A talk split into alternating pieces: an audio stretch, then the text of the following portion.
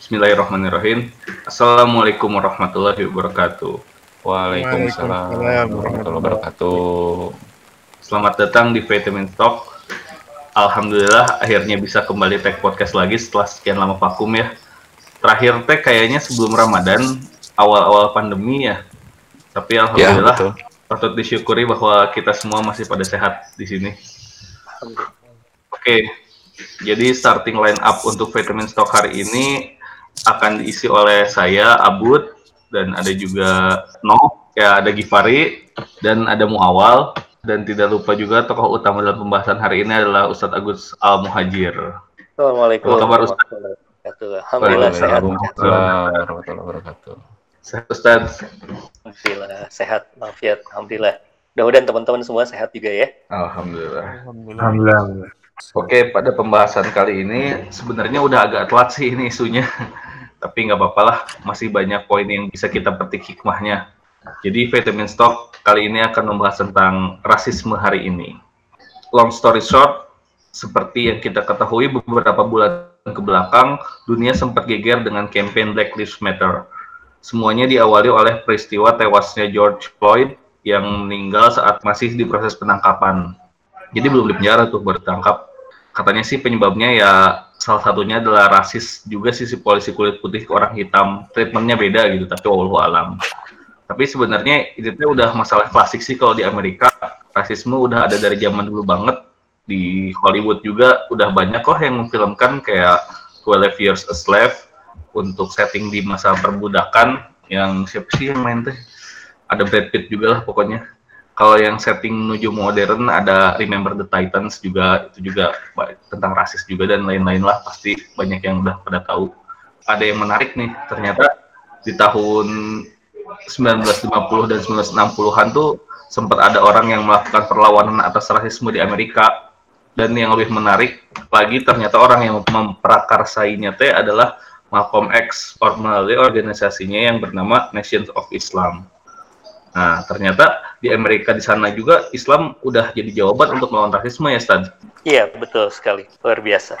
Terus konon katanya si Mamang Malcolm ini teh yang juga orang orang yang mengajak Muhammad Ali untuk masuk Islam gitu. Insya Allah. Apa? Greatest of all time gitu kan. Muhammad Ali gitu. Dan mungkin banyak yang udah tahu juga ternyata banyak dari selebriti kulit hitam di Amerika banyak yang convert ke Islam gitu. Kayak Ghostface Killah dari Wu-Tang Clan, terus uh, Ice Cube juga Tyrese Gibson dari Fast Furious sama keluarga Jackson 5 juga ada beberapa yang masuk Islam juga. Masya Allah ternyata banyak juga. Mungkin salah satu alasannya juga terkait rasisme. Nah, sebenarnya gimana sih Islam memandang rasisme? Iya, sebenarnya simple kalau kita mengembalikan kepada landasan ideologi ya, karena Islam ini kan nanti kita bisa bahas secara ideologinya dan secara praktisnya, bagaimana praktek di lapangannya. Secara ideologinya sendiri, Allah Subhanahu wa taala itu sudah menyampaikan kepada kita semua prinsip yang sangat kokoh yaitu di surah Al-Hujurat ayat ke-13 di mana Allah Subhanahu wa taala berfirman, "Auzubillahi minasyaitonirrajim, ya ayuhan nas." Seruannya kepada manusia nih. Ya ayuhan nas, wahai uh, manusia, ya ayuhan nas, inna khalaqnakum min dzakarin wa unsa. Sesungguhnya kami menciptakan kamu dari seorang laki-laki dan seorang perempuan. Kan kita ini Bani Adam. Uh, kita punya ayah yang satu yaitu Adam, kita punya ibu yang satu yang namanya itu adalah siapa namanya? Istrinya Adam? Ibu Hawa. Adam. Bukan Hawa. Bukan Bu Adam. Adam kan. Eh, istrinya ya. Ibu Adam. Istrinya dari Adam. nah, eh, jadi unsa. lo ya. Kita- Kita ini ada dari eh, satu keturunan yang sama yaitu dari Adam dan dari Hawa itu. Wa ja'alnakum su'uban wa qabaila. Lalu kemudian Allah Subhanahu wa taala menurunkan dari Adam ini eh, bangsa-bangsa dan suku-suku. Jadi berbangsa-bangsa dan bersuku-suku. Tetapi kemudian juga yang paling penting di sana disampaikan oleh Allah Subhanahu wa taala adalah lita'arufu, yaitu berbangsa-bangsa dan bersuku-suku itu bukan untuk saling merendahkan, berbangsa-bangsa atau bersuku-suku itu Ah. bukan untuk saling uh, Hmm. mengeksploitasi, tetapi lita'arufu, yaitu saling mengenal. Dan kemudian yang merupakan inti dari ajaran Islam ini yang sangat luar biasa ketika menyikapi bangsa-bangsa dan suku-suku yang begitu sangat beragam, kita tinggal di Indonesia kan, misalnya kita bicara tentang suku bangsa di Indonesia, berapa? Banyak sekali suku bangsa di Indonesia. Amerika hanya berurusan dengan uh, apa namanya tadi hitam dan putih atau merah gitu ya. Uh, ini kita di Indonesia ini banyak sekali kalau kita bicara tentang suku bangsa di Indonesia. Lalu kemudian inna akramakum hmm. indallahi atqakum. Tetapi kata Allah Subhanahu wa taala, tidak ada yang lebih mulia dari orang putih, dari orang hitam, dari orang yang merah, dari orang yang kuning atau dari orang yang kulitnya nggak jelas kayak saya gitu ya. Inna akramakum indallahi atqakum. Karena sesungguhnya Allah tidak menjadikan yang namanya casing itu sebagai tujuan uh, sebagai ukuran kemuliaan. Karena buat Allah, inna akramakum hmm. indallahi atqakum. Sesungguhnya yang paling mulia di antara kamu di sisi Allah itu adalah takwa. Takwa. Takwa itu kan ukurannya hmm. adalah iman dan amal soleh. Jadi perbedaannya itu seperti itu. Dan kalau kita bicara tentang iman dan amal soleh, nggak ada hubungannya sama sekali dengan casing. Siapa pun yang kemudian punya iman dan bisa melakukan amal soleh, maka itu akan menjadi mulia di hadapan Allah. Dan kemudian dikunci oleh Allah Subhanahu wa taala di dalam ayat ini dengan sebuah ungkapan terakhir, Allah alimun khabir." Sesungguhnya Allah mengetahui, sesungguhnya Allah Maha mengetahui yang tersembunyi dan Maha mengenal gitu. Jadi Allah yang kenal. Allah yang tahu dan ini masya Allah ya di, di, diingatkan tentang Allah yang menciptakan. Allah nih berarti semuanya adalah ciptaan Allah. Entah itu yang berwarna merah, berwarna hmm. putih, berwarna hitam atau berwarna apa pun itu adalah ciptaan dari Allah. Yang ciptaan Allah ini mengerucut kepada satu eh, satu ayah dan satu ibu. Berarti kita semuanya sama. Jadi itu landasan ideologisnya. Sederhana sekali. Islam melihatnya karena kita punya satu Tuhan lalu kemudian juga manusia pertamanya sama, kita sepakat manusia pertamanya Adam dan Hawa, kecuali kita berbeda pendapat, ada manusia yang lain, ada keturunan yang lain, ini berbeda, nanti kan terbuka ya, karena saya lihat juga sisi rasisme ini karena Nah, tadi ya, teori penciptaan tidak diakui, ada ada teori yang lain yang lainnya. Barangkali seperti itu dulu untuk awalnya Islam sederhana sekali terlihat. Nah, eh. Pak Ustadz, mau yeah. melanjutkan untuk pertanyaan selanjutnya.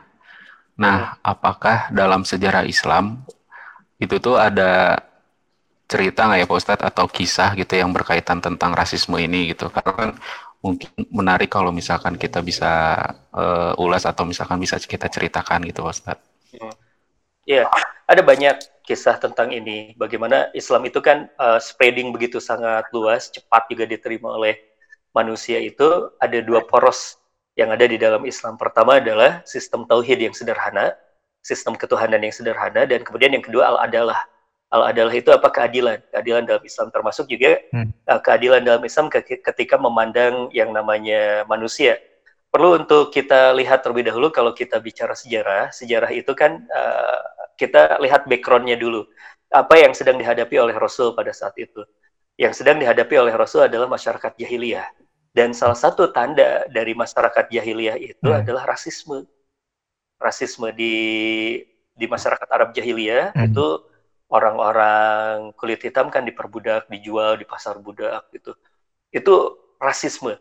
Yang kemudian Islam datang dengan untuk menghapuskan itu semuanya. Salah satunya untuk menghapuskan itu semuanya. Semuanya sama di hadapan Allah Subhanahu wa taala dan itu merupakan satu ajaran yang ditegaskan lagi di dalam semua dimensi. Misal ada hadis tentang Fatimah yang ini langsung kemudian menjadi landasan bagaimana Islam itu tidak memandang bahkan anak Nabi pun diperlakukan sama.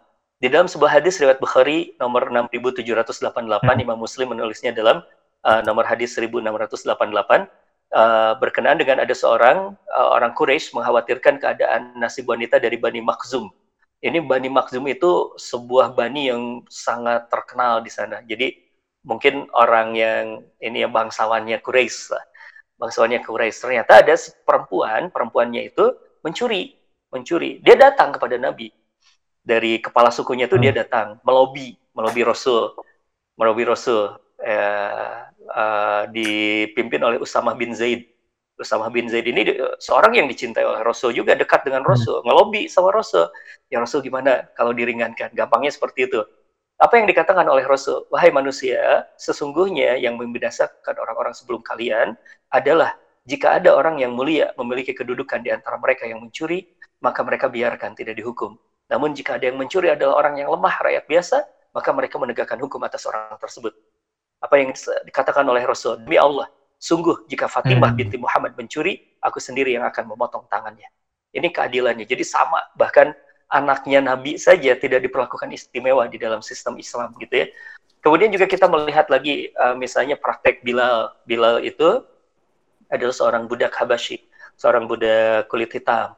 Tapi jabatan terakhirnya beliau itu adalah bendahara negara. Bayang ya? hmm. ya? yang dulunya jadi budak, lalu hmm. kemudian menjadi bendahara negara. Oh. Kemudian juga ada yang terkenal itu, bagaimana, oh, masya Allah ya, uh, uh, ada sahabat Nabi, itu sahabat Nabi pun bukan hanya Bilal kan, yang berbeda rasnya dengan Nabi. Ada yang namanya Salman. Salman orang mana? Persia kan? Salman hmm. Al Farisi. Kemudian juga ada satu lagi saya lupa namanya, ada dari Romawi juga. Jadi sahabat awalun Nabi saja sudah berbangsa-bangsa itu ada yang dari Habasyah, ada yang dari Persia, ada yang dari Romawi juga. Kemudian juga ada yang lain yang lainnya. Ini luar biasa sekali.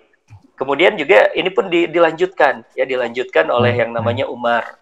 Ketika misalnya Umar menegur uh, Amr bin Ash. Amr bin As ini adalah seorang yang ditugaskan oleh Umar ketika beliau menjadi khalifah, ditugaskan untuk menjadi gubernur di Mesir. Ternyata dia melakukan diskriminasi politik, diskriminasi hmm. kepada orang Yahudi ya pernah uh, menyebabkan tidak tidak begitu adil lah kepada orang Yahudi, kakek Yahudi, kakek Yahudinya itu punya tanah, tanahnya itu mau digunakan oleh negara untuk perluasan uh, fasilitas negara begitu, tapi dia tidak mau melepaskan, tidak mau melepaskan ya, seorang Yahudi ini tidak mau melepaskan dan kemudian ditekan hmm. oleh Amr bin As. Apa yang kemudian dilakukan? Kakek Yahudi ini datang ke Madinah, datang ke Madinah mengadu kepada Amirul Mukminin Umar bin Khattab. Dan Umar bin Khattab kemudian mengirimkan uh, satu hal. Yang beliau kemudian mengatakan sampaikan kepada gubernurmu ini hadiah dariku. Hadiahnya apa? Tulang.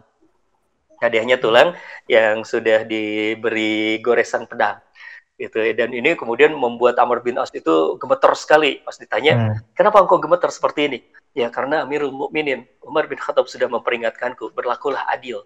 Karena jika engkau tidak berlaku adil maka engkau akan menjadi tulang belulang nanti engkau akan mati dan jika engkau tidak adil juga maka pedangku yang akan meluruskanmu hmm. itu uh, luar biasa padahal ini kan kepada orang Yahudi gitu kepada orang Yahudi kakek-kakek pula gitu tapi kemudian juga hmm. bagaimana itu yeah. diperlakukan sangat adil dalam Islam yeah. tidak ada rasisme kemudian juga Ali bin Abi Thalib Ali bin Abi Thalib hmm. pernah kalah di pengadilan uh, ketika ber, uh, berperkara dengan seorang Yahudi perkara baju perang gitu ini sangat luar biasa kan kalau misalnya tidak adil hmm. itu pasti kemudian pengadilan Islam pada saat itu akan berpihak kepada Amirul Mukminin itu Amirul Mukminin Ali bin Abi Thalib pada saat itu sudah menjadi Amirul Mukminin sudah menjadi khalifah hmm. dia berperkara dengan seorang rakyatnya yang rakyatnya orang Yahudi tapi yang menang di pengadilan adalah orang Yahudi ini, uh, begitu sangat hmm. luar biasa sekali ya sebuah gambaran di dalam hmm. sejarah Islam ini ternyata ya tidak dibeda-bedakan para sahabat ini uh, termasuk juga bahkan bukan hanya sahabat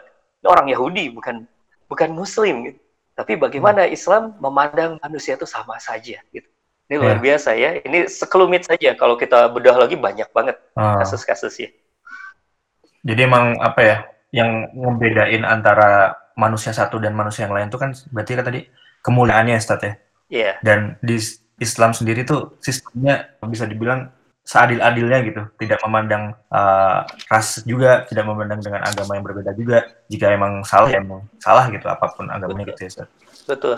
Karena memang ini ada hubungannya lagi dengan surah Al-Baqarah nanti, surah Al-Baqarah ayat 143. Hmm. Di sana ada sebuah ayat yang begitu sangat kuat. Ayatnya seperti ini. Wa kadzalika ja'alnakum ummatan wasato. Dan demikian pula kami telah menjadi kamu umat Islam yaitu umat yang wasit. Kebayang kalau wasit ingatnya apa? Hmm. Pengadilan itu ya, kalau lagi pertandingan kan ada wasit. Ah, wasit harus adil nggak? Ya. Juri ya, juri itu kan harus Netral. adil, wasit itu harus juri. adil, netral. Jadi memandang siapa yang salah ya salah, yang benar benar. Kalau misalnya wasitnya tidak adil akan seperti apa tuh? kalau misalnya wasitnya lagi memimpin pertandingan Persib nggak adil, bisa ngepulang maksudnya. Nah ini wasapo dan ini disampaikan bahwa litakunu syuhada. Litakunu syuhada. Kenapa? Karena umat Islam ini akan menjadi saksi atas perbuatan manusia. Jadi umat Islam ini akan menjadi ukuran kebenaran, uh, ukuran standar-standar kemuliaan, standar-standar kebaikan. Sehingga kalau kita bicara hmm. tentang standar-standar kemuliaan dan standar kebaikan, ya harus adil semenjak dari awal. Harus kemudian juga me, uh, memiliki sikap egaliter yang begitu sangat luar biasa. Nah kalau misalnya umat Islam yang sudah rasis dari awal, ini bahaya sekali.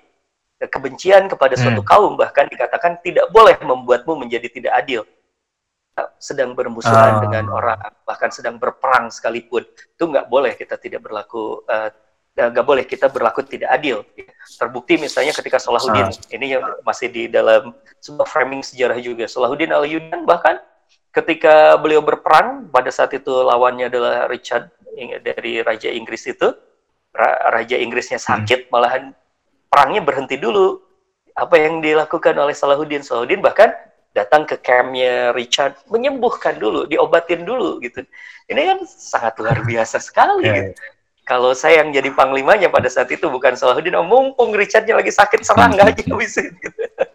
Gitu. Mumpung jadi kesempatan ya, ada, ya, kesempatan nih gak ada komandannya dia habisin gitu. Tapi tidak seperti hmm. itu. Islam tuh sangat luar biasa sekali. Itu ya di operasional Masya Allah ya Ustaz iya Masya Allah menarik menarik sekali gitu. Bahkan dengan kedatangannya Islam tadi itu jadi mengupas tuntas tentang rasisme yang terjadi atau fenomena yang terjadi pada zaman itu ya Pak Ustadz ya. Betul, betul. Dan mungkin kalau bisa dibilang sistem Islam sendiri di zaman yang mungkin bisa dibilang zaman dulu itu udah begitu modernnya gitu. Karena saya pernah lihat juga di YouTube tuh ada film tentang uh, judulnya tuh Human Zoo.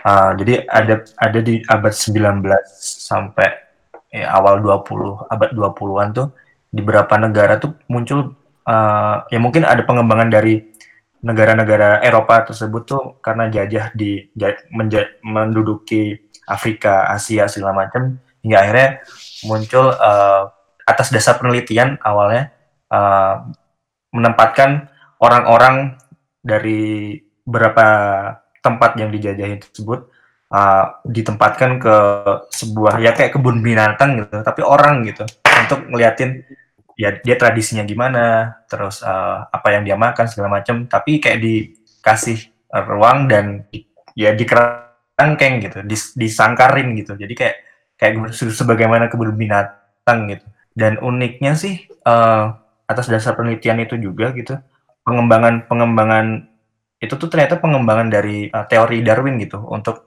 untuk apa ya uh, kayak memastikan atau mungkin ya masih menjadi asumsi bahwa uh, missing link di dalam Darwin itu ya orang-orang kulit hitam itu gitu yang ada primata manusia dan yang missing link itu diseolah-olahkan tuh ya orang-orang Afrika itu ada juga kayak kayak dari orang Kongo segala macam tuh akhirnya juga sebenarnya cuma sebagai badut kalau bisa dibilang karena seolah-olah dibikin serem, seolah dibikin ini akhirnya kayak gitu gitu. Tapi balik lagi ke tadi Ustadz yang yang bahasan pertama ternyata uh, uh, dengan kita mengakui bahwa penciptaan itu dari Nabi Adam itu tuh sebenarnya udah clear gitu. Dengan adanya teori-teori seperti mungkin teori Darwin ini jadi apa ya? Jadi bahaya banget ya Ustadz akhirnya. Iya.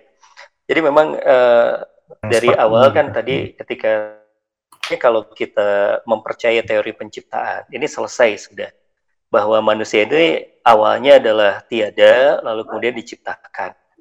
Hmm. Awalnya tiada lalu kemudian diciptakan. Tapi kan ada orang-orang yang seperti Darwin ini mengatakan manusia ini adalah produk evolu uh, evolusi, produk evolusi dari uh, apa primata dari dari kera gitu. Hmm. Kera kemudian juga produk evolusi dari yang lainnya, yang lainnya, yang lainnya sampai kemudian makhluk sel tunggal kan hmm. kan ujungnya.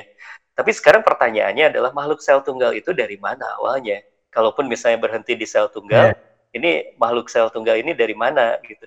Ini kan tetap saja kita akan uh, mentok kalau kita uh, mengingkari yang namanya teori penciptaan itu. Karena makhluk sel tunggal itu juga pasti harus diciptakan harus ada penciptaannya. Nah ini yang menjadi persoalan dan ini khawatirnya adalah ketika ini diajarkan hmm. di sekolah-sekolah, ketika diajarkan di sekolah-sekolah bahwa manusia adalah produk evolusi, maka jelas kalau yang namanya produk evolusi kan berarti ada rantai-rantai yang rantai utama gitu ya. Dan digambarkan kan bahwa akhirnya orang yang apa namanya paling tinggi rasnya ini adalah orang-orang Eropa itu, orang-orang yang kulit putih itu. Oleh mereka dipersepsikan seperti itu kan. Sehingga itu yang di nah, yeah, yeah. Uh, apa yang dihilangkan di dalam hmm. Islam itu, itu yang dihilangkan di dalam Islam. Maka ada satu persoalan yang agak sedikit berbeda, tetapi ini menjadi fundamental yaitu tatkala kita bicara tentang sains, terjadi dikotomi.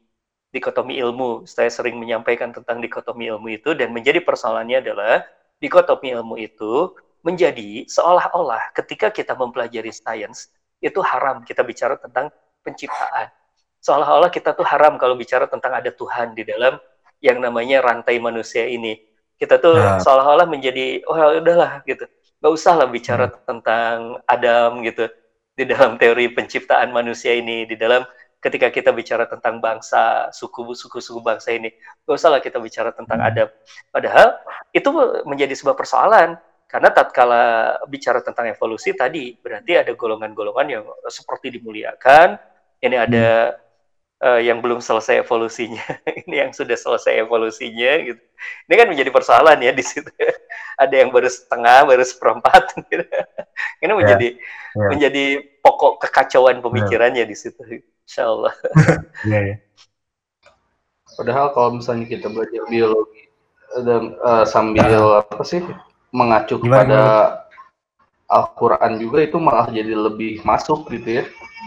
Iya, karena perintahnya dari ayat yang pertama yang disampaikan oleh Allah kepada Nabi adalah Iqra bismi rabbikal ladzi khalaq. Jadi eh, penelitian alam tetapi jangan dilepaskan dengan yang namanya bismi rabbikal ladzi khalaq yaitu uh, tentang teori penciptaannya. Jadi uh, mempelajari biologi, mempelajari apa pun itu harus disambungkan dengan yang namanya hmm. Allah Subhanahu wa taala, teori penciptaannya. Gitu, kurang lebih. Iya, iya. Benar Start tadi kayak uh, bagian yang paling bawah-bawah itu ya tadi ada orang kulit hitam, mungkin orang Afrika gitu. Oh, paling bagian-bagian paling atasnya nomor satunya tuh ya orang Eropa gitu. Jadi emang Eropa, ya, ya bisa dibilang sesat juga gitu akhirnya. iya. Karena kalau memang sebenarnya eh, kerancuan pemikiran mereka juga bisa kita bantah kalau memang evolusi itu terjadi, berarti uh, orang Eropa juga nanti akan berevolusi kan? Nanti siapa tahu uh, evolusinya hmm. orang Afrika itu karena putih, putih, putih, keputihan jadi hitam lagi nantinya. karena evolusinya. Transparan mungkin.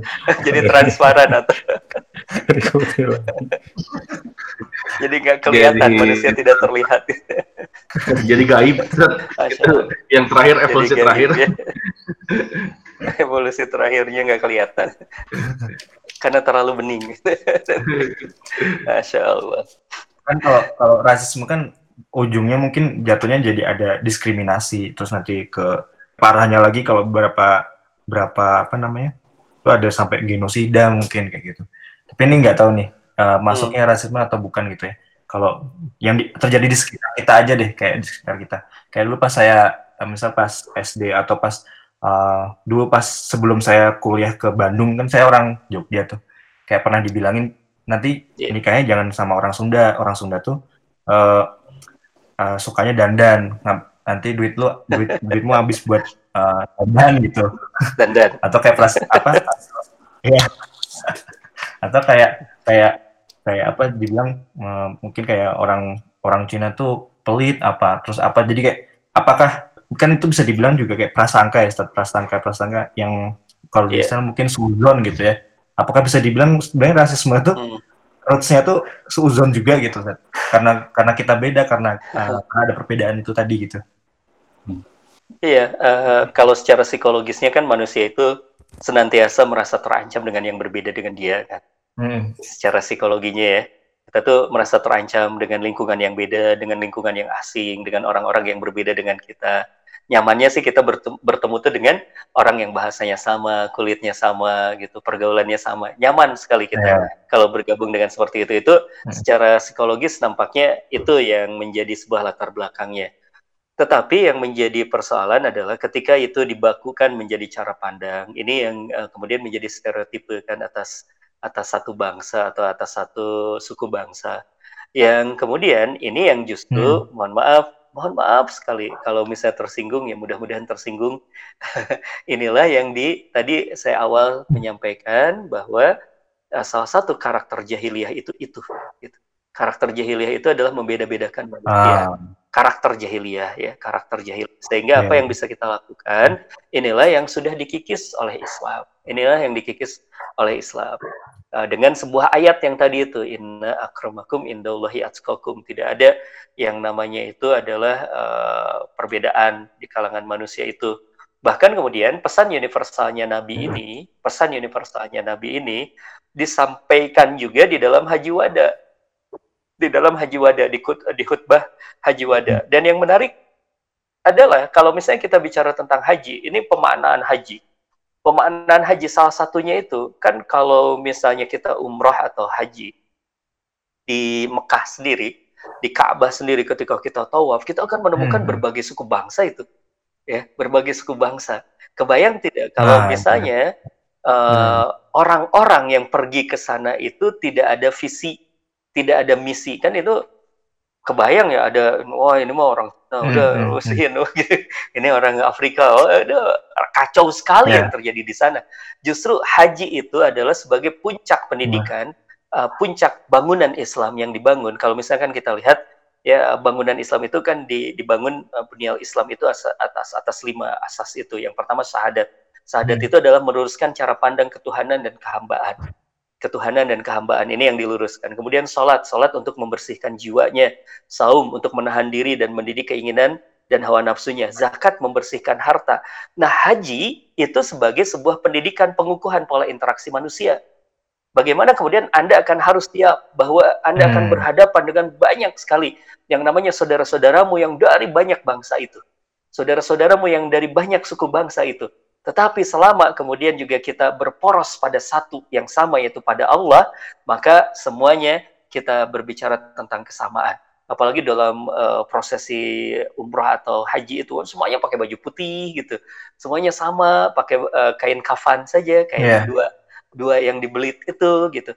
Ini hmm. mengingatkan bahwa uh, ini filosofi yang sangat luar biasa hmm. dan ini puncak ibadah dari umat Islam. Puncak ibadah dari umat Islam itu adalah haji bahwa ini mengatakan hmm. semua manusia sama tidak ada perbedaan. Ya kebayangkan kalau misalnya ada orang yang masih apa uh, rumongso gitu merasa dirinya berbeda. Haji orang lain pakai kain ihram, dia pakai kain batik hmm. gitu. Ingin eh, tangkap ya. askar nantinya. bidah, bidah, bidah.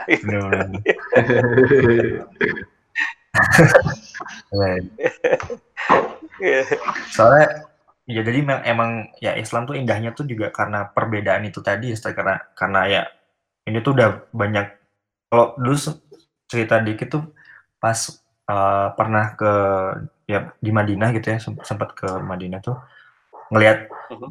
ngelihat keindahan Islam bener-bener gitu. Karena ngelihat saya sempat cuma berdiri doang gitu ya di di tengah-tengah gitu karena lagi azan itu dengerin azan. Tapi uh, di sekitar tuh ada orang dari orang uh, kulit hitam dengan warna-warninya gitu. Afrika kan ada warna hijau, ada segala macam, ada orang dari Nigeria segala macam. Juga ada orang Chinese, Jepang segala macam, tapi semua berkumpul di dalam satu titik ya dari Islam gitu. Dan berbeda-beda warna, warna kulit baju budaya masing-masing. Tapi indah banget gitu saat ngelihatnya karena ngelihat uh, dia uh, disatukan karena Islam gitu betul. Dan kita tidak membedakan kan ini oh, barisan buat orang Afrika gitu di safnya kan enggak kan? Iya, iya. kita ya. campur aduk, jamaah campur jamaah ya, jamaah ya, bareng gitu, enggak enggak iya. dibeda-bedain. enggak dibeda-bedain kan. Yeah. Ini misalnya safnya orang Arab kan enggak juga.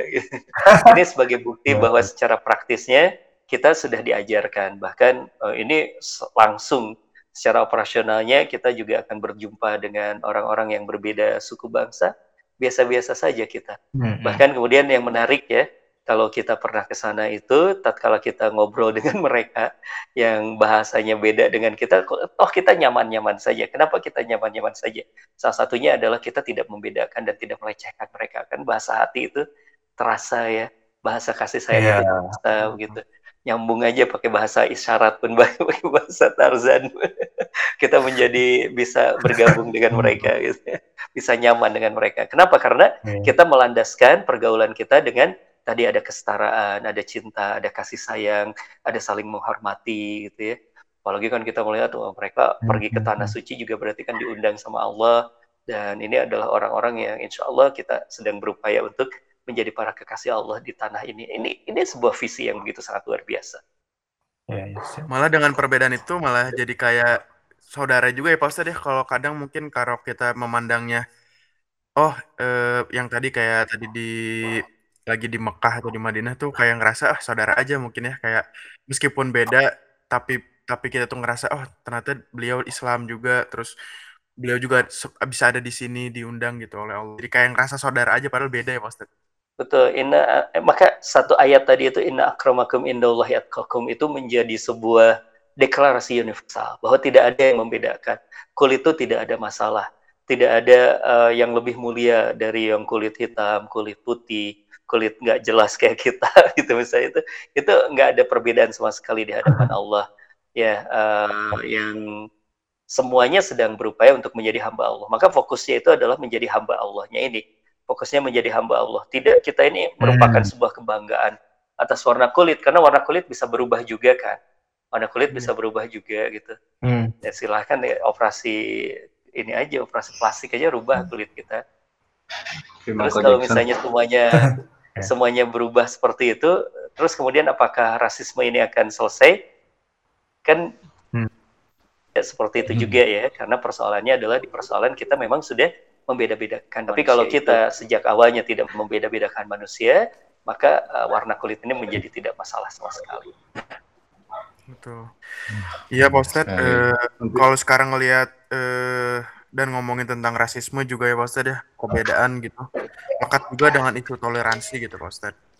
Hmm. Terus eh, akhir-akhir ini kan eh, yang tadi dibicarakan pertama oleh Kang Abud gitu ya, muncul yang akhirnya yang tadi tentang gerakan Black Lives Matter gitu.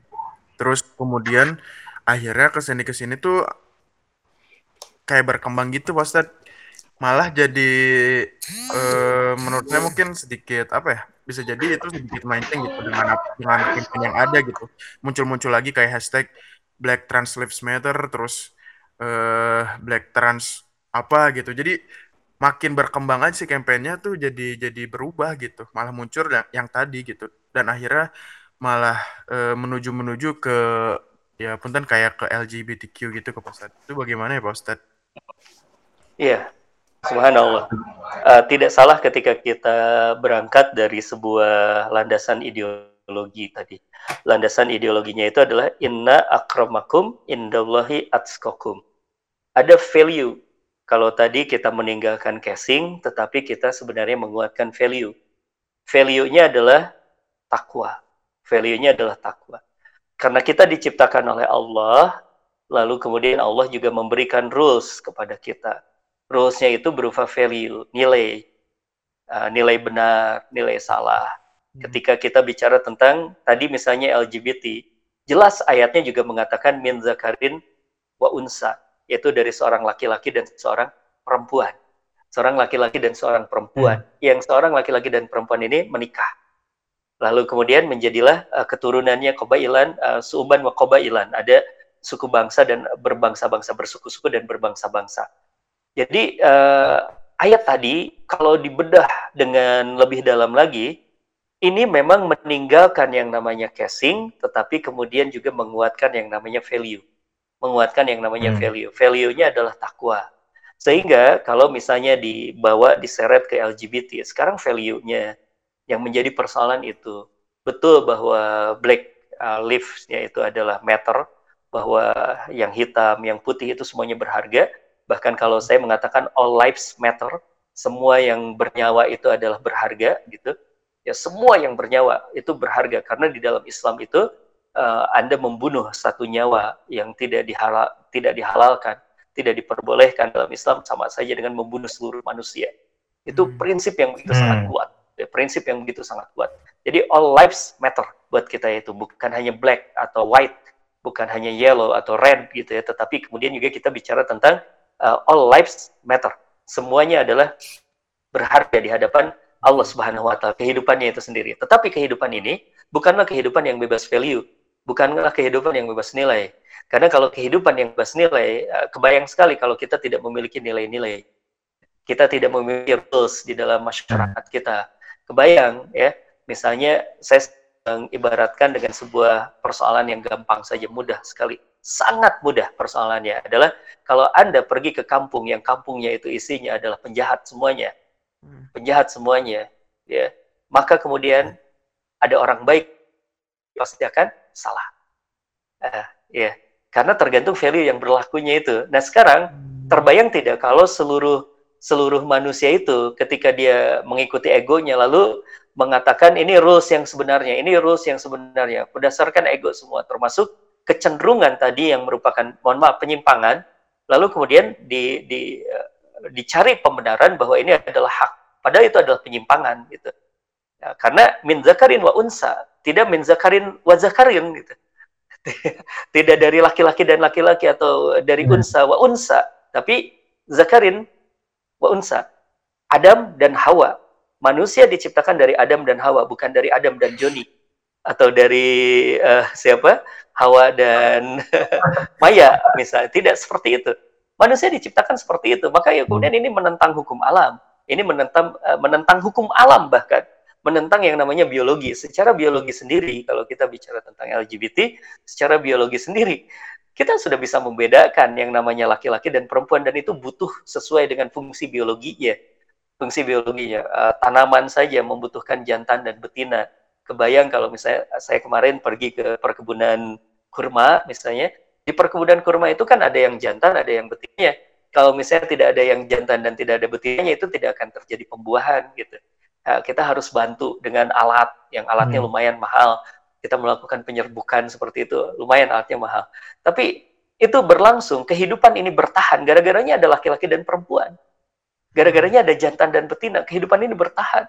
Kebayang tidak kalau itu kemudian uh, menjadi ditinggalkan value-nya itu secara biologinya ditinggalkan, secara value-nya ditinggalkan, maka yang terjadi adalah kehidupan juga akan terancam. Kehidupan akan terancam. Nah, uh, sehingga uh, luar hmm. biasa ya kalau misalnya kita bicara tentang Islam ini, Islam ini memang melepaskan perbedaan-perbedaan yang tadi cover dan uh, casting, tapi kemudian Islam menguatkan tentang value, menguatkan tentang nilai-nilai yang menilai uh, menguatkan nilai-nilai dan nilai-nilainya itu uh, kalau dalam bahasanya kita robbaniyah yaitu berasal dari Allah Subhanahu wa taala nilai-nilainya itu. Kurang lebih seperti itu. Masya Allah, benar ya Mas seperti itu mungkin kurang lebih mah. Masya Allah, seru juga obrolan hari ini ya. Saya juga kadang sih kalau misalnya ngelihat di uh, musola mall gitu ya atau di musola kantor gitu, kalau udah pada mau sholat tuh ya udah yang jadi imam tuh siapa aja gitu yang bisa nggak harus yang selalu bos di depan gitu. Kadang-kadang saya ngeliat di mall gitu satpam yang suka jadi imamnya gitu. Kalau nggak cleaning service gitu. Hmm tapi nggak ada yang hmm. jangan jangan. Protes. Saya yang harus di depan saya bos. Nggak ada yang protes. Gitu ya udah sok aja. Uh, gitu, malah pada nggak mau jadi imam biasanya ya. Pada nggak mau jadi imam. Betul mas tunjuk tunjuk tunjuk tunjuk syarat syarat jempol tanya atau enggak pak dan empat komat duluan teh gini. Uh, Karena aman ya. Kalau yang sudah komat gak bakal jadi imam. Baru-baru komat.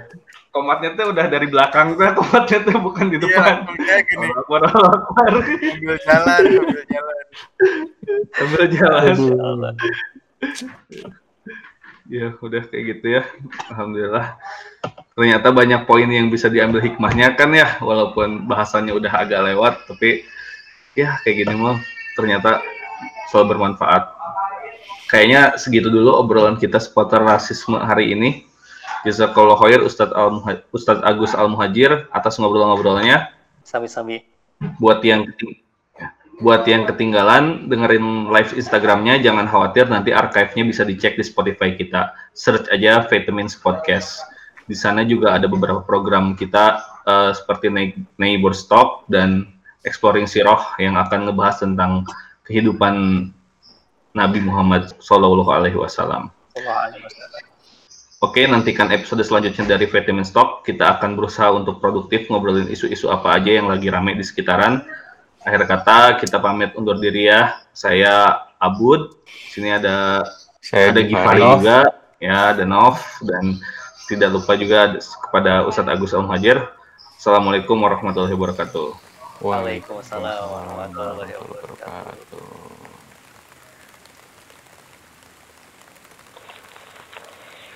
Bismillahirrahmanirrahim, teman-teman yang dirahmati oleh Allah Subhanahu wa taala. Untuk lebih memantapkan lagi pemahaman kita tentang Islam dan uh, bagaimana kemudian memandang rasisme, ada satu hadis yang direwetkan oleh Imam Muslim dicantumkan juga oleh Imam Nawawi menjadi hadis nomor 35 dalam hadis Arba'in dari Abu Hurairah radhiyallahu an berkata Rasulullah sallallahu alaihi wasallam jangan kalian saling mendengki jangan kalian saling menipu jangan saling membenci jangan saling menjauhi dan janganlah membeli barang yang sedang ditawar oleh orang lain dan jadilah kalian hamba-hamba Allah yang bersaudara seorang muslim adalah saudara bagi muslim yang lainnya, tidak boleh ia menzaliminya, menelantarkannya, mendustainya dan menghinanya. At-taqwa hahuna. Takwa itu ada di sini. Sambil Rasulullah wasallam menunjuk ke dada beliau tiga kali. Cukuplah seseorang dinilai buruk jika ia menghina saudaranya sesama muslim setiap muslim atas muslim lainnya itu haram darahnya, haram hartanya, dan haram kehormatannya. Hadis riwayat Imam Muslim. Dari hadis tersebut kita mengetahui beginilah cara pandang Islam terhadap manusia sesama bahwa tidak boleh ada penghinaan, tidak boleh ada diskriminasi, tidak boleh ada rasisme. Yang pasti adalah semuanya harus diperlakukan adil, apalagi semuanya adalah makhluk Allah terlebih mereka adalah seorang muslim. Wallahu a'lam.